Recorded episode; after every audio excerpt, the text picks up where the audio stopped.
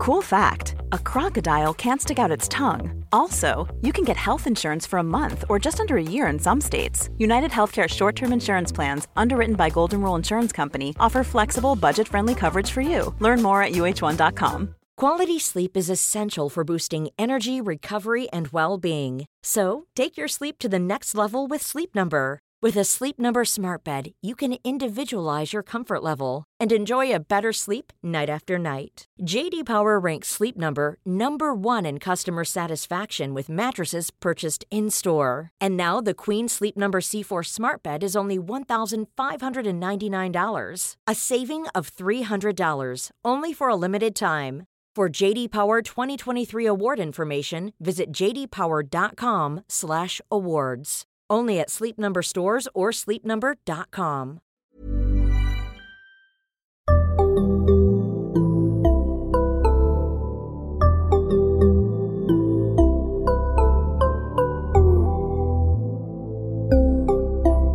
Barnpsykologerna.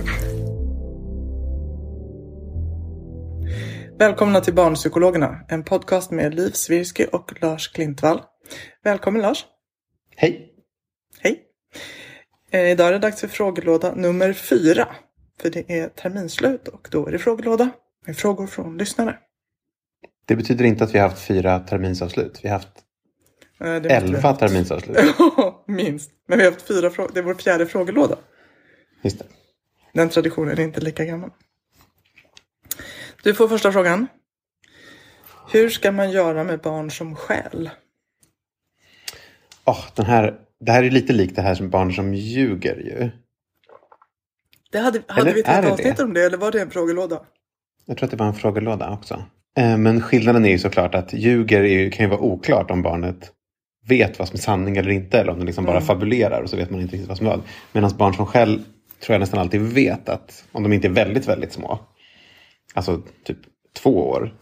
Äldre barn vet ju att det är det de gör, att de inte får ta. Och de vet ju, har ju väldigt bra koll på vem som äger vad och liksom vilken leksak som hör till vem och sånt.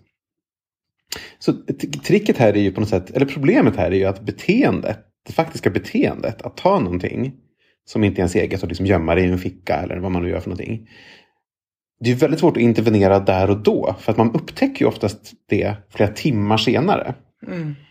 Så att, och det är väl klart det naturliga är ju att skälla ut barnet när man upptäcker det och ge bestraffning på det. Det tror jag liksom är det som kommer naturligt till vuxna att göra. Att antingen skälla ut eller ha någon sorts seriöst snack där man förklarar att det är viktigt att inte göra sånt här och bla bla.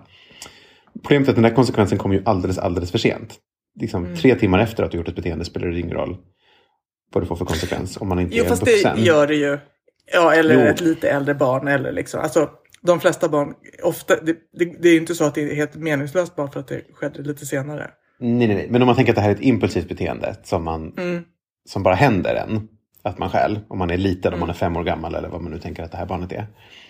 I och för sig, nu bara utgår jag från att vi pratar om förskolebarn. Man kanske kan tänka på Ja, tonåringar som snattar också. Men vi kan börja med förskolebarn så kan vi övergå till de lite större sen. Ja, bra. Ja, men eller hur? För då tänker jag... Eh, det kan vara svårt att, liksom, att påverka det beteendet så långt senare med ett sånt litet barn. Eh, men man måste ju samtidigt signalera att det här är eh, ett problem. Liksom. Som, liksom, man måste vara tydlig med att vi lämnar tillbaka den här grejen. Om man har snott av en kompis kanske man måste be om ursäkt. Ehm, men jag tror inte kanske att man ska insistera för mycket på det här med liksom att barnet kognitivt ska förstå att någonting har gått fel. Jag tror snarare att man ska lite tänka liksom minimera möjligheten att det här händer.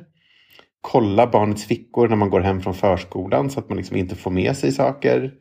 Alltså minimera konsekvenserna av det och lite tänka det här är någonting som kommer, barnet kommer växa ur. För det är ju absolut sannolika är ju att det är det som kommer hända. Jättevanligt att små barn stjäl. Och det betyder ingenting. Det betyder inte att de, är, att de kommer bli kivar när de blir stora.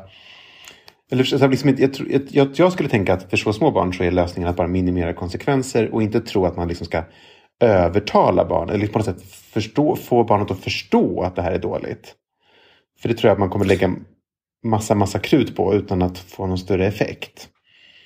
Men kan man inte i alla fall att det ändå tar det tillfället i akt att prata lite om att men den där var Lisas och hon blir ju jätteledsen om hon inte har den kvar. Du skulle bli jätteledsen om du om din grej försvann eller någon tog den eller så. Alltså att man ändå, det blir ju ändå ett tillfälle att börja träna perspektivtagande och förståelse för mitt och ditt och hela det där liksom. Ja, ja men, man, men man kan göra det där till en viss punkt tror jag. Barnet kan förstå det där och det är inte säkert att det kommer påverka det impulsiva beteendet i stunden ändå. Mm. Eller hur? Att, Mm. Så att man inte tror att, att det, är det, som, det är alltid det som är problemet. Barnet fattar inte vad här, liksom, att andra blir ledsna. För barnet kanske visst fattar det, men att det går så fort att stjäla de där grejerna så det spelar ingen roll. mm. Och då kanske vid någon punkt så får man bara köpa att det här är en, en period och vi ska bara inte, det här får inte få sociala konsekvenser. Eh, och så lita på att barnet kommer växa ur det. För att man blir bättre på Mm. impulskontroll när man blir äldre. Men om det inte har vuxit bort då? Om vi har ett lite äldre barn som faktiskt Ah, Det kan ju finnas så många anledningar till att barn snattar. Det kan ju vara ett sätt att liksom Alltså att falla för grupptryck eller så. Men, men ändå att det är ett lite Ja, äldre barn som faktiskt vet att det här, så här får man inte göra. Men Just jag gör det ändå. Och vi förutsätter att det inte är ett barn som typ måste sno mat för att ha råd. Alltså liksom. Utan att det faktiskt är liksom. Ja, just det. Så den där vill jag ha, jag tar den. Förlåt, det kanske är lite samma med förskolebarn. Jag, backar tillbaka. Man kan ju också påminna barnet innan risksituationer. Tänk på att om du, vill ta, om, du, om du vill ta någonting så måste du stå emot det och om du har tagit något så kan man öva på att lägga tillbaka innan man går därifrån. Alltså det är ändå beteenden Ja, som man det, kan precis. prompta Ja. precis innan. Mm. Om vi vet att det här är ett problem så kan man liksom göra en, en grej av att när man, går, när man går från förskolan eller går från kompisen då kollar man om någonting är med och så låter man barnet lägga tillbaka det. Eller hur? För det är ändå helt okej om man tar någonting och sen lägger man tillbaka det. Det är ju ett bra beteende. Mm. Det är två olika saker. Det impulsiva kan du kanske inte göra så mycket åt men att lägga tillbaka kan du ju Mm. faktiskt förstärka och uppmuntra och påminna barnet om. Och, ge, och vara jättetydlig med att då ger man belöning på vad bra att du la tillbaka det. Och Mm. inte göra så stor fokus på att, man råkade ta det också. Eller förstår du Mm. hur jag tänker? Mm, absolut.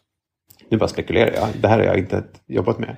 Det låter, jag bara tänker att det måste vara så nästan. Det borde vara rimligt. Ja, precis. Det borde vara. Det låter rimligt. Men förlåt, jag, jag, jag, det var, jag gick tillbaka till frågan om Nej, men jag tänker liksom när det är större barn. Där det faktiskt liksom, där man så här, ja men barnet har visst den kognitiva förståelsen för att det här är, så här får man inte göra. Och ändå gör det. Då har man ju lite av ett annat problem. Och också, kanske också den kognitiva förståelsen som gör att konsekvenser kan påverka beteendet. Även om de kommer långt senare. Just det, precis. Det är sant. Eller hur? Ja. För då kan ju barnet faktiskt själv se till att inte hamna i sådana risksituation, risksituationer. Alltså vara Mm. på platser där den skulle kunna snatta. Då kan ju barnet själv faktiskt styra sånt. Mm. Och då kan det absolut vara rimligt med, med, med negativa konsekvenser. Mm. Skulle jag tänka. Samtidigt så är det ju så svårt, och det här tror jag inte vi har något, kanske har något bra svar på, men det är också svårt med de här beteendena som både lögner och stöld som är som döljs. Alltså att nej men jag har inte gjort det, jag har aldrig gjort det, jag gjorde jag förstår vad du menar, nej nej jag skulle aldrig. Och så pågår det och man har inte en aning. Eh, att det är så svårt som förälder, alltså det finns ju många beteenden som, ja men typ liksom gör inte sina läxor eller sprider grejer omkring sig eller så, som är så tydliga så man ser att det här beteendet fortsätter att pågå. Men de här beteendena som, liksom, som ligger i sakens natur att man döljer dem gör ju att man som förälder kan vara väldigt ovetande om att det pågår ens. Och så man kan inte ge några konsekvenser för man tror att det var bara en gång eller så. En grej man måste kunna göra är ju att inte, att inte eh, rädda barnet när det blir Mm. påkommen. Mm. Som, det sa vi om lögner också ju. Att det är lätt att, att liksom försöka bli medberoende, är fel ord. Men att man liksom underlättar, enablar barnet att kunna göra det här genom att liksom mörka själv. Eller så. Och det kan man ju strunta i Mm. och bara låta barnet ta de konsekvenser som dyker upp naturligt. Just det. Att det blir Och få pinsamt. ta dem själv liksom. Mm. Att man kanske får betala tillbaks. Att man liksom. Även med, med, med äldre barn och tonåringar som snattar måste man komma ihåg att det är supervanligt att barn och tonåringar gör sånt här. Mm. Är det det? Alltså att man bryter mot, re- ja, bryter mot regler gör ju tonåringar extremt mycket mer än vad vuxna gör. Mm. Liksom bryter lagbrott och allting gör ju tonåringar mycket, mycket, mycket mer än vad vuxna gör. Beroende på impulskontroll och att det saknas andra liksom, eh, alltså att det får ju större konsekvenser för vuxna såklart. Mm. Och vi lever ju oftast i en social kontext där det skulle vara jättekonstigt om jag sa till mina kollegor att jag hade snattat godis till, på lunchen. skulle de tycka var helt sjukt. Vilket det kanske inte får sådana sociala konsekvenser om man går i högstadiet. Då kan ju få tvärtom Eller om du skulle gå och handla med någon som skulle bara ta den då, ta den då. Ta lunchlådan. Ta den. Då skulle man tycka att det var väldigt konstigt. Ja. Så det får helt andra konsekvenser för vuxna än vad det får socialt än vad det får för barn. Mm. Så det finns säkert massa anledningar till varför de gör det oftare. Jag menar bara att man, så att man inte skrämmer upp sig själv för mycket även om det är ett barn som, som gör sånt. Utan tänker att Mm. alla största sannolikheten så kommer det försvinna av sig självt. Just det. Och i väntan på det tydliggör att det inte var okej. Och, och jag menar även det här att lämna tillbaka och be om ursäkt är ju också ett sätt att ändå få konsekvenser. Som ju kan vara ändå lite sådär. Just det där med att be om ursäkt är kanske inte en jätterolig konsekvens. Jag tog den här och förlåt och liksom. Mm. Som, som Att det, kan att det, så. och det är meningen med det, att det funkar som en bestraffning. Och det är det som är Ja, att man ändå liksom, tycker jag, markerar att det här är inte ett okej beteende. Även om det kanske inte hämmar impulsen nästa gång. Så är det ändå liksom en, ett, också ett sätt att, att liksom lära barnet att sånt här, så gör man inte. För det blir också konstigt att inte börja, alltså någon, många saker som vi vill att barn ska kunna börjar vi träna dem på när de är ytterpytte. För att de ska kunna det när de behöver kunna det långt senare i livet. Liksom. Så, menar, att inte slåss. Vi säger ju det till liksom bebisar om de råkar smälla till någon eller så. Även om, de, även om vi inte förväntar oss att de ska förstå att aha, det här är att slåss och det får man inte göra. Men om vi Nej, inte har men sagt det säger- och plötsligt börjar säga det när de är sex. Nej, då nej, blir det nej. så här, jaha. Men då säger man ju det när barnet slåss. Man säger inte det två timmar senare. Då säger man det ju. Du får inte knuffas, man får inte bitas. Säger man ju Nej, fast om man skulle... Om, ja, nej, sant. Mm. Jättebra. Ska vi ta nästa fråga? Ja. Eh, Eh. Den här då. Syskon som är svartsjuka på varandra. Alltså ett syskon som är svartsjuk. Nej, förlåt. Ett syskon som är svartsjuk på den andra. Fastän man egentligen får lite mer. Ja, Just det. Barn, barn A får mer än syskon B. Men barn A är ändå avundsjuk På B. Mm. på B. Alltså jag tänker att det är väldigt normalt. Jag tror att väldigt många syskon är små avundsjuka på varandra. Och att det är just det här, ja, jag fick en jättestor marängsviss för fem minuter sedan. Men den har jag ju ätit upp nu. Och nu sitter hon och äter en Piggelin. Jag vill också ha en Piggelin. Det är liksom väldigt mycket sådär, hör till det där här och nuandet liksom. Att, ja men det spelar väl ingen roll, det var ju då. Just nu sitter jag och- och vill ha det där och fick inte det. Så att det liksom är ganska ja, men normalt och åldersadekvat. Men det kan ju fortfarande såklart vara ganska störigt som förälder att behöva hantera. Ehm, Hade inte du, du och din syster, hade ni såna här regler för hur ni skulle dela på grejer? Så att alltså det en delar och en väljer. Exakt den, Ja. precis. Precis. Mm. Alltså Eh, den om som delar dela. väljer sist. Exakt. Ja, precis. Den andra, ja exakt. Så har man råkat skära snett så får man äta upp det. Exakt. Men Eh. sen tänker jag att man liksom också Alltså att, jag tänker att många föräldrar hamnar ju i precis det där millimeterrättvisan och ja men då är det din tur nu och nej nu har det gått sju minuter nu ska vi byta och liksom att man på något sätt går in i att ja det här är orättvist på riktigt. Men att det kanske egentligen skulle vara rimligare att liksom Ja, alltså saker är orättvisa. Det kan inte bli exakt lika. Ni är inte exakt samma person. Det är inte exakt samma situation. Det är ju såklart, alltså det, det handlar ju inte om att man som förälder säger, ja, nej men du får jättemycket schyssta grejer och den andra får ingenting. Men just det här liksom, men jag ska sitta på den där platsen för jag satt inte där förra gången. När man hamnar i de där liksom evighetstjafsandet att bara säga, nej så kan det vara ibland också. Att det kan För finnas att, en vadå? för att du tänk, man vill bygga upp en tolerans för ja, kortsiktig, orätt, kortsiktig orättvisa och tänka att det här kommer jämna ut sig med tiden. Exakt. Plus att jag också tänker att om man som förälder går in mycket i det där och försöker liksom styra upp och så, så, så tror jag att risken är rätt stor. Lite samma som när man försöker lösa barns konflikter. Att det man ju faktiskt gör, det är att man förstärker det beteendet ganska mycket. För man ger det jättemycket uppmärksamhet. När du säger att den andra har fått, då ägnar jag mig åt er, då lyssnar jag på er, då bryter jag den aktivitet jag höll på med och liksom. Det är ett sätt att få en förälders del, liksom, aktivitet och uppmärksamhet. Och det kanske inte är de beteenden man egentligen vill förstärka. Utan man kanske hellre vill förstärka när de delar på något på något bra sätt på egen hand eller så. Alltså att de löser problemlö- social problemlösning vill man ju egentligen att de ska Exakt. öva på i de situationerna. Ja, precis. Och såklart också bara acceptans vill man ju att de ska öva på. Ja, precis. Och lite så här, så kan det vara liksom. Sen Ja. tänker jag att den här som har skrivit det här, att det, om det är ett, vi vet ju inte hur situationen är, men om det är så att det är ett, ett syskon som Ja, nu skriver ju att fast den egentligen får mer än sitt syskon. Om det är alldeles påtagligt mer så får man väl fundera på vad det handlar om. För det kanske faktiskt finns en orättvisa. Fast åt andra hållet då liksom. Ehm, men annars tänker jag att man också kan liksom träna barn i lite att sådär, men vad har du fått då? Och om, man liksom, om man ser det, i synnerhet om man då ser att det här är ett barn som får lite mer. Att träna på att se och värdera det, man- det barnet har fått.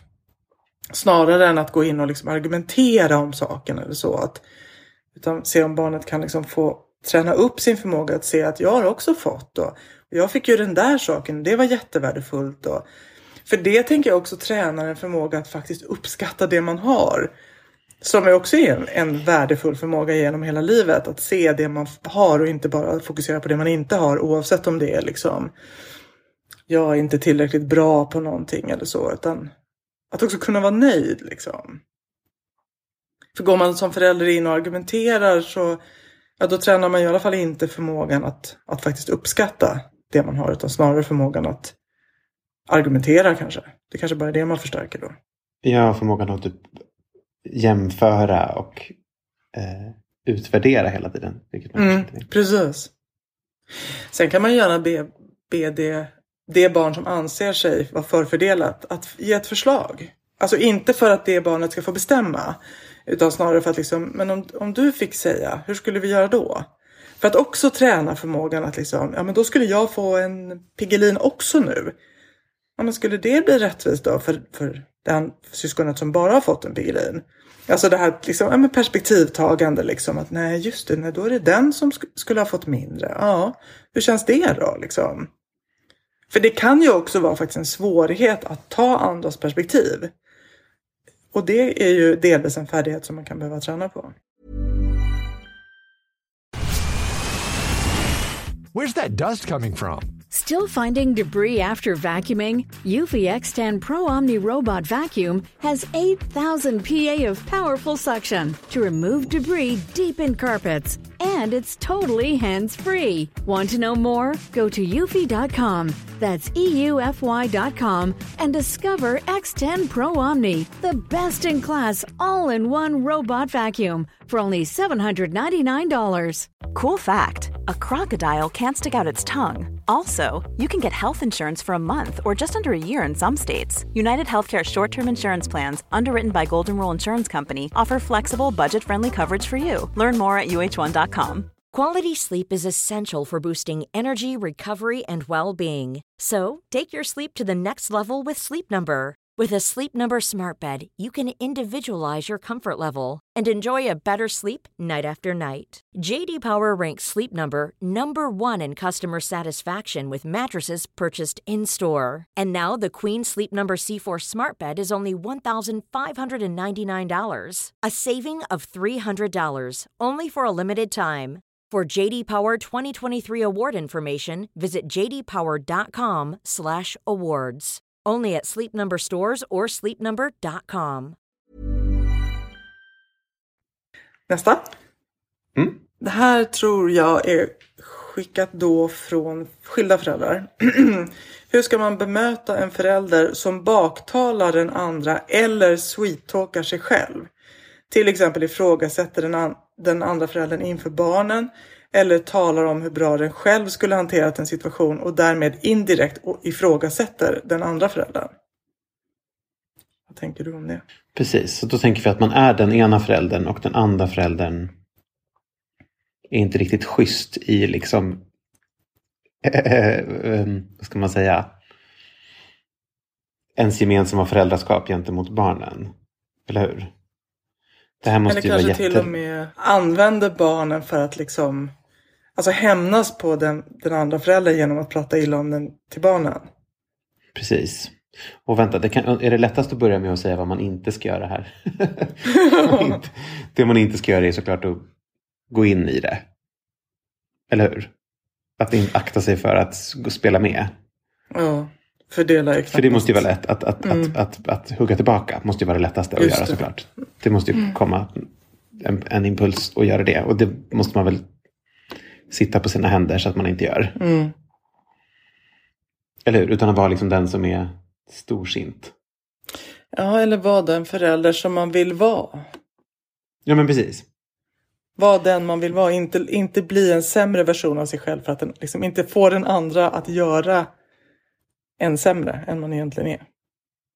Och, hjälper det då om man tänker vad ligger i barnets intresse här? Och i barnets intresse måste det ju vara att åtminstone en förälder beter sig vettigt. Mm. Eller är man rädd för, säg att man blir baktalad av, sitt, av den andra föräldern. Är man på riktigt orolig för att barnet kommer liksom tycka sämre om en? För att den andra föräldern har sagt det där. Det kanske man är i och för sig. Det tror jag att många föräldrar är och jag tror faktiskt att en del föräldrar också hamnar i det. Alltså att barnen köper det. Men att barn gör det när de är ganska små. Eh, och kan Hur små? tycka liksom att du, ja men kanske pre, pre-tonåren liksom innan. Det är inte Mm. pyttesmå men ändå liksom. Men jag tycker att det är så, i så många fall där det här har pågått. Så det som sen händer när barnen blir äldre. Det är att det snarare slår tillbaks på den eh, förälder som pratade illa. Som snackade skit.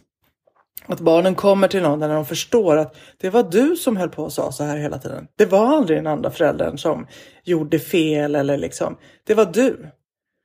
Och den är liksom, den, den tar man sig inte ur så lätt. Så vad säger du? Att man ska liksom lite tänka, låta saker passera och tänka att det där kommer barnet fatta ändå sen? Jag tror att man ska våga lita på, på att det liksom barnen kommer att förstå. Man behöver inte hävda sig. Det är, liksom, det är inte lösningen. Det, det är klart att man kan säga någon gång att ja, men liksom, nej, så där var det faktiskt inte. Eller ja, så säger den andra föräldern, men min uppfattning är att det är så här. Så att man ändå liksom kan vara tydlig med det. Men inte kanske liksom, men han, den snackar skit om mig eller där, den ljuger eller så.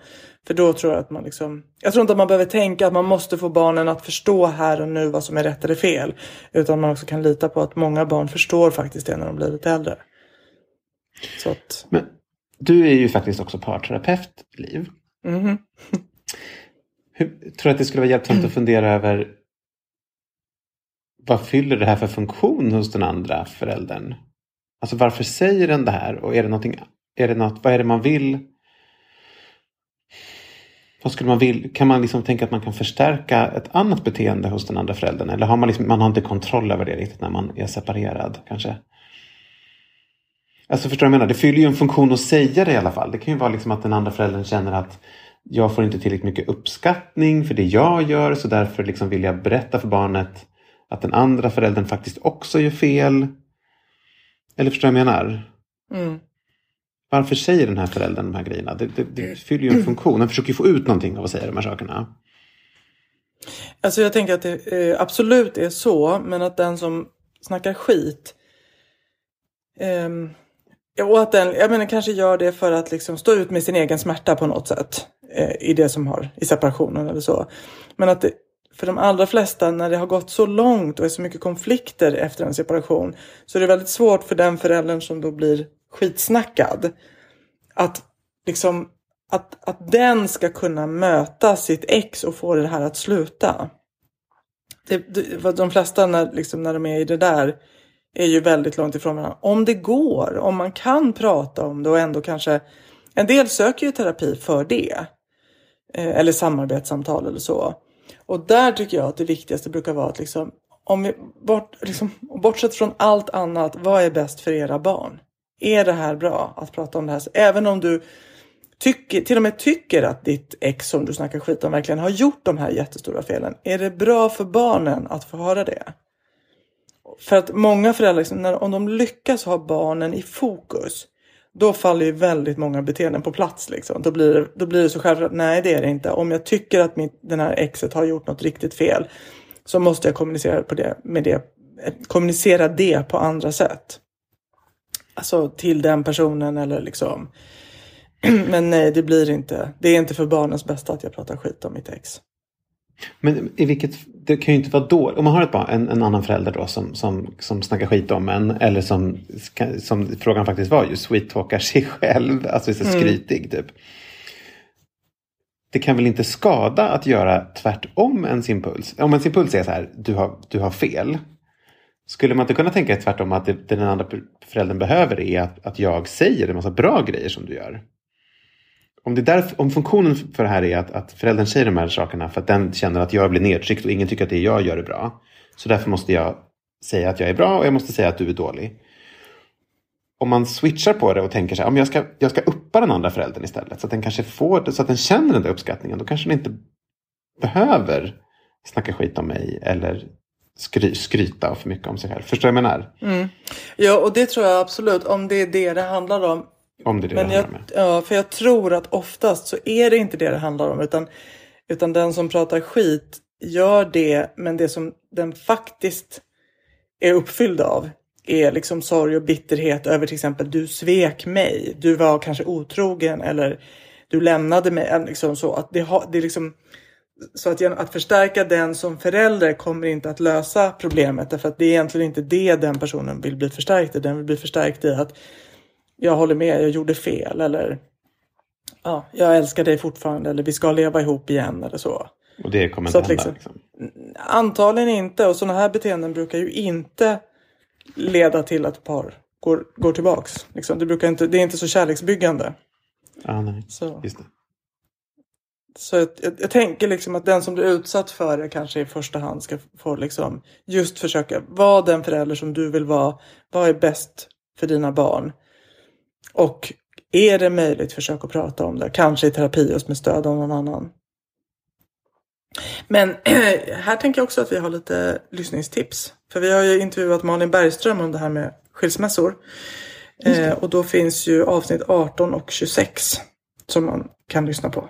Eh, och få, få lite mer om, om det här med skilsmässa. Inte bara just det här, men liksom vad kan man tänka på när man separerar med barn? Bra. Mm. Ska vi ta sista frågan? Yes. Som är en sömnfråga. Ditt område. Japp. Eh, och läggtider. När är det rimligt för ett barn att gå och lägga sig? Eh, det beror ju, så liksom, man prata om lite olika åldrar då, antar jag. Och så undrar man ju såklart om det här gäller även liksom lov och helger. Hur mycket ska man ändra på läggtider när det är lov och hur mycket ska man ändra på läggtider när det är helg? Liksom sommarlov och såna grejer. Mm. Och nu är det en massa frågor som du ska svara på. När man tänker sig att ett barn ska lära sig att kunna sova utan sin förälder i egen säng. Ja, men om man börjar med det här med läggtider så tänker jag att det, här, det är så himla svårt för att sömnbehov är så väldigt individuellt. Även om alltså, man brukar säga att ja, men barn i olika åldrar kanske ska sova mellan 9 och 12 timmar. Men det är ändå ett så stort, alltså 9 till 12 det betyder att det är tre timmars spann. Så det betyder att man kan gå och lägga sig allt mellan 8 och 11 skulle då kunna vara okej om man vaknar samma tid. Så, att, så man måste liksom utgå från det barn man har. Och titta på liksom hur, hur mycket sömn behöver det här barnet? Hur, och det kan, får man ju nästan ta på. Hur fungerar barnet dagtid? Ehm, och sen ehm, om man liksom på helger och lov om man vänder på dygnet så, och gör det över en helg. Då blir ju det ofta väldigt jobbigt för en helg är för kort. Så då ska man liksom tillbaks till den andra till en normal dygnsrytm redan efter två nätter. Och då är ju risken att man får det som man ibland kallar för social jetlag. Alltså att man är jättetrött då på måndagen. Däremot är det ju många barn som vänder dygnet lite grann eller liksom förskjuter dygnet, alltså skruvar lite på det när det blir längre lov eller sommarlov i all synnerhet. Och då kanske man faktiskt går och lägger sig ett par timmar senare än man brukar. Och så vaknar man några timmar senare också. Och det är helt okej. Och sen har man någon sån omställningsvecka, sista veckan på sommarlovet försöker man liksom dra Skruva tillbaka, tillbaka, lite. ja. Ja, exakt. till Vanligare rutiner. Alltså en nioåring som ska vara vaken till tre på natten. Det, det tycker jag spontant låter väldigt sent. Eh, om det inte är typ så här ja, men nyårsafton eller någon väldigt enstaka situation. Då kan man ju också börja fundera på. Nu vet vi ju inte vad den här brevskrivaren liksom. Är det här någon som har en nioåring som vill vara vaken, som argumenterar för det eller som faktiskt är vaken till tre på natten? För att det finns ju barn som har det som man kallar för eh, eh, förskjuten dygnsrytm, eller sleep onset delay. som faktiskt oftast från egentligen bebisstadiet somnar sent. Alltså deras dygn stämmer liksom inte riktigt med vårt, vårt klockdygn utan de somnar kanske tre fyra på natten och sen vill de gärna sova hela förmiddagen. Och sen får de kämpa mot den lusten ja, men nästan kanske hela sina liv. Att det, är, det är som att de är i lite biologisk otakt med hur vårt dygn ser ut. Eh, och då skulle du kunna, de, de barnen är ofta sådana så fort de släpper, så fort man släpper det fritt, ja då somnar de inte först mitt i natten. Eh, och har man, har man med det att göra, då får man ju liksom ha lite Alltså då, får man ju, då har man ju liksom ett annat sorts problem än bara ett barn som säger jag vill vara uppe sent för det är coolt. Eller liksom. Eh, och det får man ju hantera på ett annat sätt. Men att det, det blir en grej, viss... Ja. ja men exakt. Men att det blir en viss förskjutning på lov och helger. Det tänker jag. Eller på lov och längre helger då. Eh. Det, det, måste bero på hur, hur, om det är ett barn som... Alltså barn måste väl vara olika med hur lätt, hur känsliga de är för sånt här. Om man har ett barn med mycket sömnsvårigheter då kanske man ska vara ganska noga med att inte hålla på och flytta runt ja, på tider. Precis. Alltså om man, om man är så här, sömn är en issue för det här barnet. Då, måste ja. vi ha, då kanske man inte ska flytta mer typ, vadå, typ en timme, två timmar på helgen. Nej, precis. Framförallt på helgen. Om man, när det är längre ledigheter då kan man ju förskjuta, då kan man ju skjuta på det. Men att man då flyttar hela paketet lite. Just det. Och ofta kan ju det till och med vara så att det blir mer liksom, socialt gångbart för att hela familjen förskjuter sin sitt dygn lite grann när det är lov och kanske även vänner och liksom de flesta sociala sammanhang. Så att på sommaren så är det okej okay att lägga sig senare och man kanske också då vill att barnet ska sova längre på morgonen. Man kanske inte vill bli väckt fem och, på, på sommarlovet liksom. Eh, så att, men att man då konstant håller ändå liksom det här barnet behöver vissa rutiner när det ska somna fast nu flyttar vi dem bara lite grann i tid. Men i extremfallet, om man är ett barn som har så svårt att sova överhuvudtaget. Då kan, tycker du att man inte ska flytta sovtider alls på helger då?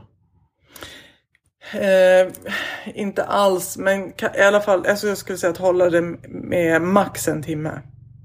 För att annars så får man payback sen liksom. Mm. Det blir jobbigt i efterhand och det brukar ju sällan vara värt det. För det är så viktigt med rutiner kring sömn om man ja, har problem med sömn. Så då måste Precis. man försöka hålla allt sånt så likt Då vill man försöka konstant hålla det. Ja. ja. Bra. Eh, sova i egen säng då? Ja, den är ju också väldigt mycket tycke och smak. Um, alltså, dels är det kulturellt. I Sverige så, så är det ganska vanligt att man samsover med barn ganska länge. Eh, I vissa länder gör man ju det jättemycket. Det handlar ju också om boendeförhållanden och så. I USA ska man ju inte sova med sitt barn, inte ens sin bebis. Så att liksom, där får man ju också på något sätt gå på, tycker jag, vad, vad vill man? Liksom? Hur vill man ha det? Eh, och sen finns det ju också någon ålder när det för barnet är ganska bra att kunna sova själv för att det kanske kommer liksom läger, övernattningar och så. Och, att man vill liksom att barnet ska vara redo för det. Så att det inte blir då ska man öva på att sova själv för första gången. Um, så att jag tänker liksom att det, det behöver, alltså det här, man gör det som passar i ens familj. Eh, om, om man alla sover gott och tycker det är mysigt att sova ihop, ja då kan man väl göra det. Och om man känner att men jag kan inte sova för jag har en åttaåring som ligger och sparkar på mig i sängen eller så. Nej, då, då vill man inte göra det. Och det kanske man tycker redan när man har en tvååring. Och en del, en del tycker det från bebisstadiet. Jag vill inte samsova, jag vill sova själv. Så att jag tycker nog att man liksom utgår från det som, som passar i familjen och för barnet.